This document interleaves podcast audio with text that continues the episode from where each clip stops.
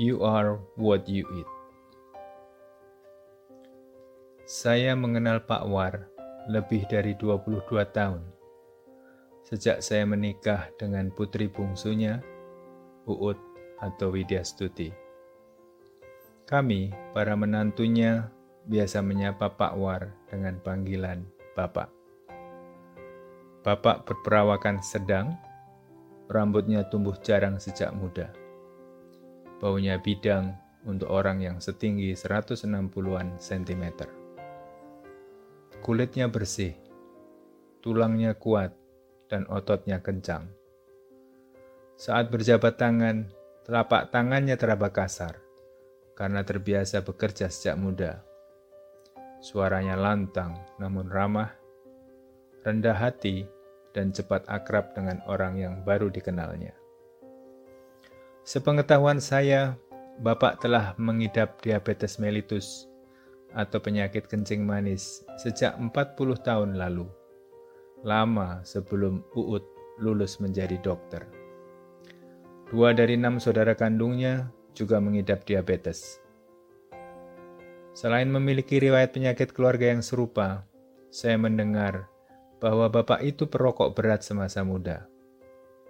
Fakta menunjukkan bahwa perokok memiliki resiko mengidap diabetes mellitus 30 sampai 40 persen lebih besar daripada bukan perokok. Makin banyak batang rokok yang diisap, makin besar pula risiko terkena diabetes. Mungkin faktor genetik dan merokok ini yang menjadi pemicu Bapak mengalami penyakit diabetes mellitus. Berbicara tentang Bapak, ibaratnya menyaksikan mobil Toyota Corolla tahun 1974 yang mesinnya masih terawat baik hingga kini. Di usianya ke-80 sekarang ini, tak banyak yang berubah dari Bapak, selain bertambah kerutan di wajahnya. Bapak yang sekarang sama dengan bapak yang dulu saya kenal pertama kali. Berat badannya tidak bertambah, dan lingkar pinggangnya masih tetap seperti dulu. Celana dan bajunya yang dijahit tahun 1970-an pun masih muat dipakainya. Keraknya masih gesit seperti 22 tahun yang lalu. Tulang dan ototnya masih kuat. Ia masih kuat menjinjing koper-kopernya sendiri bila berpergian ke luar kota maupun ke luar negeri. Langkahnya pun masih cepat. Kami, para anak dan menantunya, kalah cepat jalannya dibandingkan bapak. Ia juga masih mampu mengemudikan mobilnya sendiri, misalnya saat pergi main golf bersama ibu atau mengantar ibu berbelanja. Hasil pemeriksaan laboratoriumnya juga tak kalah mengkilap dengan kapasitas fisiknya. Belum pernah ada nilai merah dari hasil pemeriksaan fungsi hati, fungsi ginjal, dan profil lemaknya sejak pertama kali saya mengenal Bapak hingga kini. Kadar gula darah dan HbA1c sejak dulu juga menunjukkan bahwa penyakit diabetesnya terkontrol dengan baik. Hampir tidak pernah saya temui kadar gula darah Bapak selama ini di atas 200 mg per desiliter. Jika kadar gulanya naik, itu pun hanya sesaat, seperti suatu kali di bulan Ramadan beberapa waktu lalu. Bahkan kadar hormon testosteronnya masih tetap normal saat diperiksa dua tahun lalu. Testosteron ini adalah hormon pada laki-laki yang antara lain berperan untuk menjaga kekuatan otot dan tulang, konsentrasi, kepercayaan diri, motivasi, tidur nyenyak, dan semangat. Jika seseorang mengidap penyakit diabetes, biasanya bakal diperberat oleh komplikasi yang terjadi dan bahkan hingga menyebabkan kematian. Komplikasi serius ini antara lain penyakit jantung koroner, gagal jantung, stroke, gagal ginjal, kebutaan, dan infeksi berat akibat pembusukan kaki. Sampai saat ini, alhamdulillah, belum ada satu komplikasi serius diabetes yang mampir di tubuh Bapak. Hipertensi, penyakit yang diidap satu dari empat orang Indonesia juga tidak. Jika ada, mungkin trigger finger atau kekakuan jari dan katarak. Trigger finger sudah sembuh dengan sendirinya. Trigger finger ini salah satunya bisa diakibatkan oleh diabetes. Sedangkan katarak pada orang berusia 79 tahun itu bisa dialami juga oleh orang yang bukan pengidap diabetes. Artinya, Bapak di usia 79 tahun mungkin juga mengalami katarak meskipun bukan pengidap diabetes. Sebenarnya derajat katarak yang diidap Bapak ini masih ringan. Namun Bapak merasa terganggu karena kesulitan memarkir mobil di malam hari. Akhirnya Bapak memilih untuk menjalani operasi setahun lalu. Dalam istilah kedokteran, diabetes adalah penyakit tidak menular yang memerlukan kesabaran dan kedisiplinan sepanjang hayat dalam kelola atau self-management, pola makan, aktivitas fisik, berat badan, obat, dan pemantauan kadar gula darah. Seorang diabetesi atau orang yang mengidap diabetes masih bisa menikmati hidupnya, namun tentu saja dengan mengikuti rambu-rambu yang diberikan dokter. Bapak adalah seorang diabetesi yang sangat disiplin menjaga pola makannya. Tekadnya untuk mencegah agar penyakitnya tidak bertambah berat sangat kuat. Sejak pertama kali saya mengenalnya, Bapak selalu makan pada jam sama, yaitu jam 7 pagi, 1 siang, dan 7 malam. Makan malam selama ini tak pernah lebih dari jam 8 malam.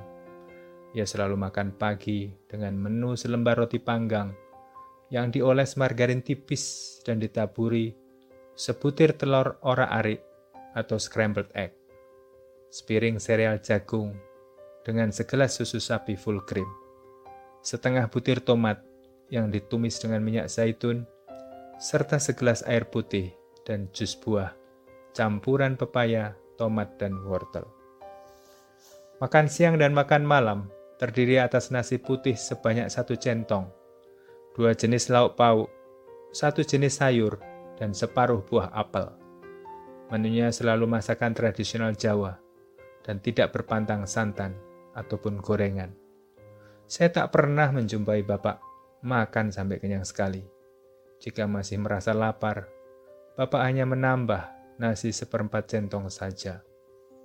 Selama 19 tahun, ia menjalaninya dengan istiqomah alias konsisten. Saat 10 tahun terakhir ini, ia mengganti sarapan paginya dengan sepiring bekatul yang dicampur dengan havermut dan susu kambing, serta menambah makanan selingan dengan menu serupa di sore hari. Bapak juga bukan orang yang suka ngemil. Saya tidak pernah menyaksikan Bapak nonton TV sambil memangku satu toples camilan. Namun bapak kadang-kadang mengudap juga di sore hari.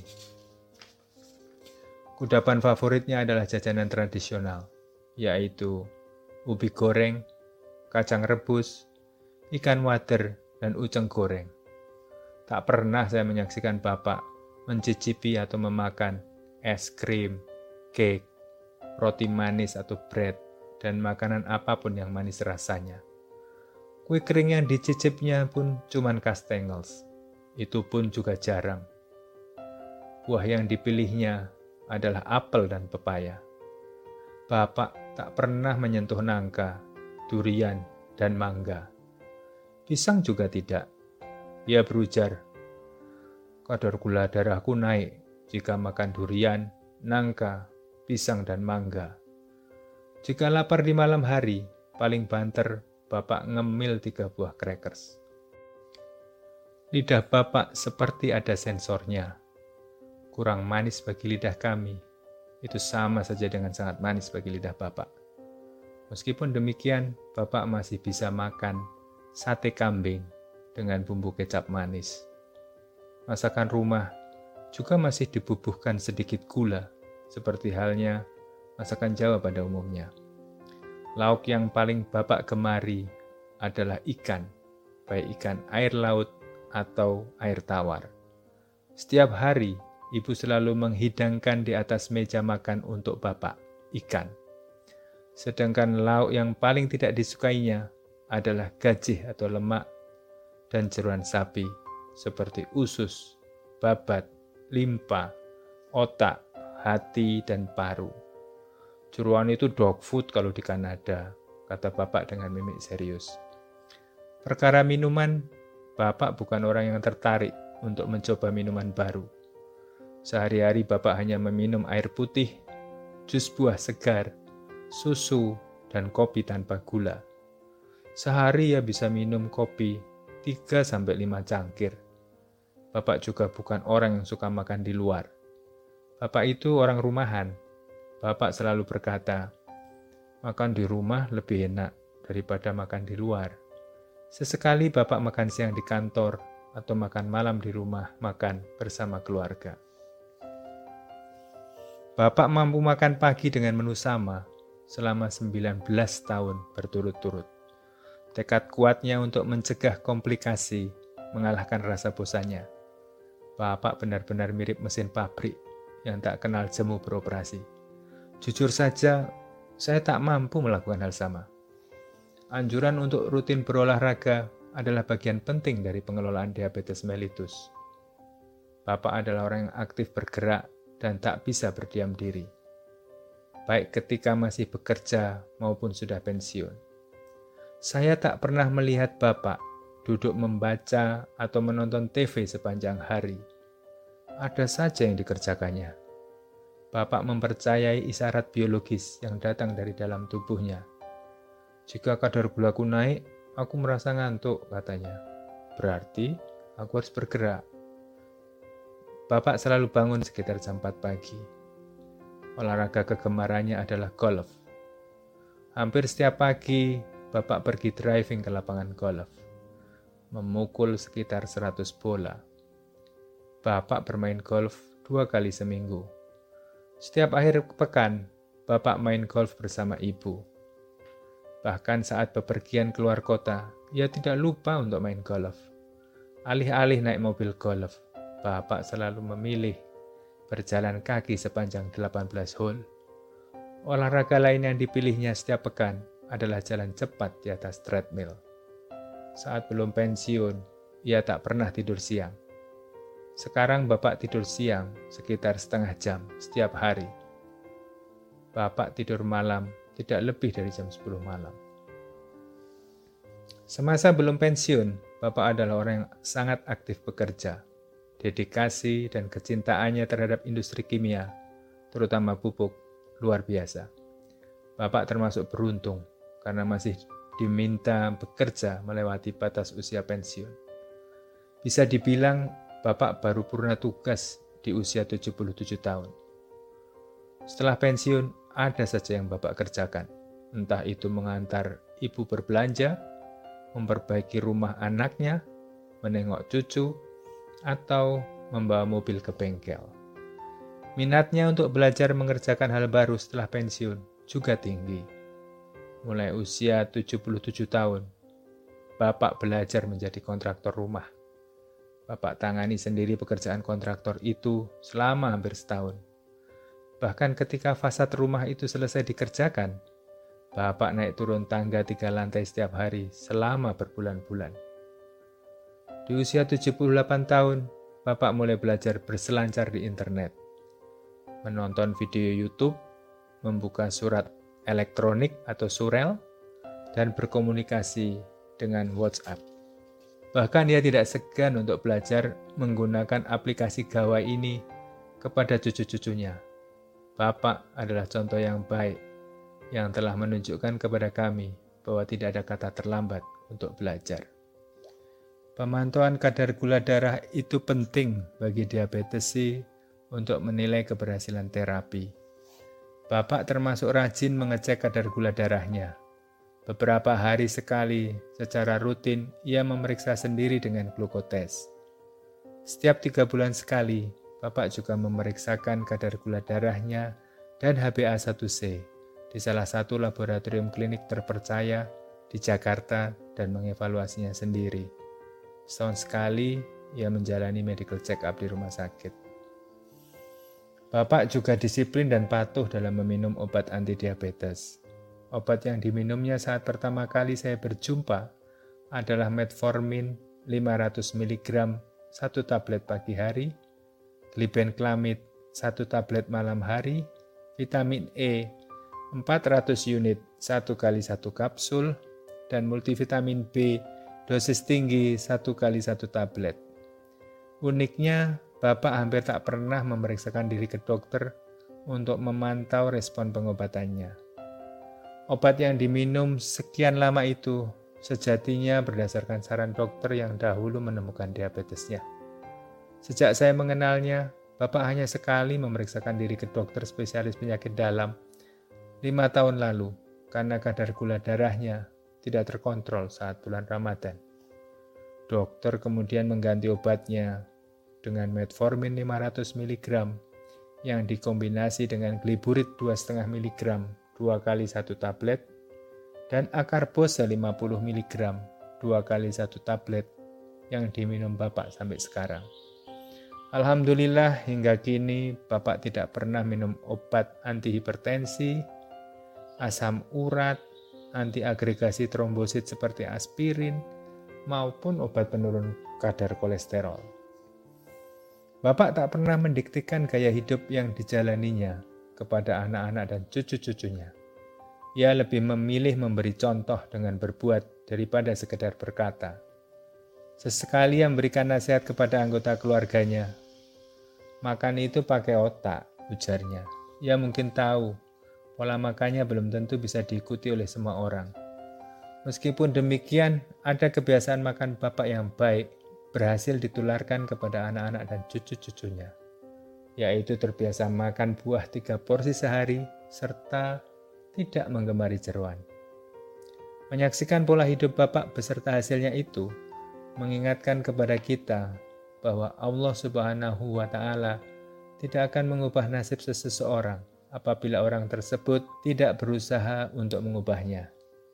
Mustahil berharap agar terhindar dari komplikasi diabetes apabila pengidapnya tidak mengubah gaya hidupnya dan hanya menggantungkan diri kepada obat saja. Banyak pengidap diabetes yang tidak disiplin dengan pola makannya. Makan sembarang di saat jamuan makan atau pesta, kemudian meyakini bahwa dengan meminum obat mampu mengendalikan kadar gula darahnya. Tidak heran jika banyak yang berakhir dengan mengidap komplikasi. Minum obat teratur, aktif bergerak, dan pola makan sehat adalah kunci keberhasilan Bapak menjaga berat badan dan kadar gula darahnya, serta menjauhkannya dari komplikasi. Pelajaran berharga ini yang bisa kami ambil dari Bapak sebagai seorang diabetesi. dibacakan oleh Bisatyo Marjikun, menantu Wardioso yang juga seorang dokter.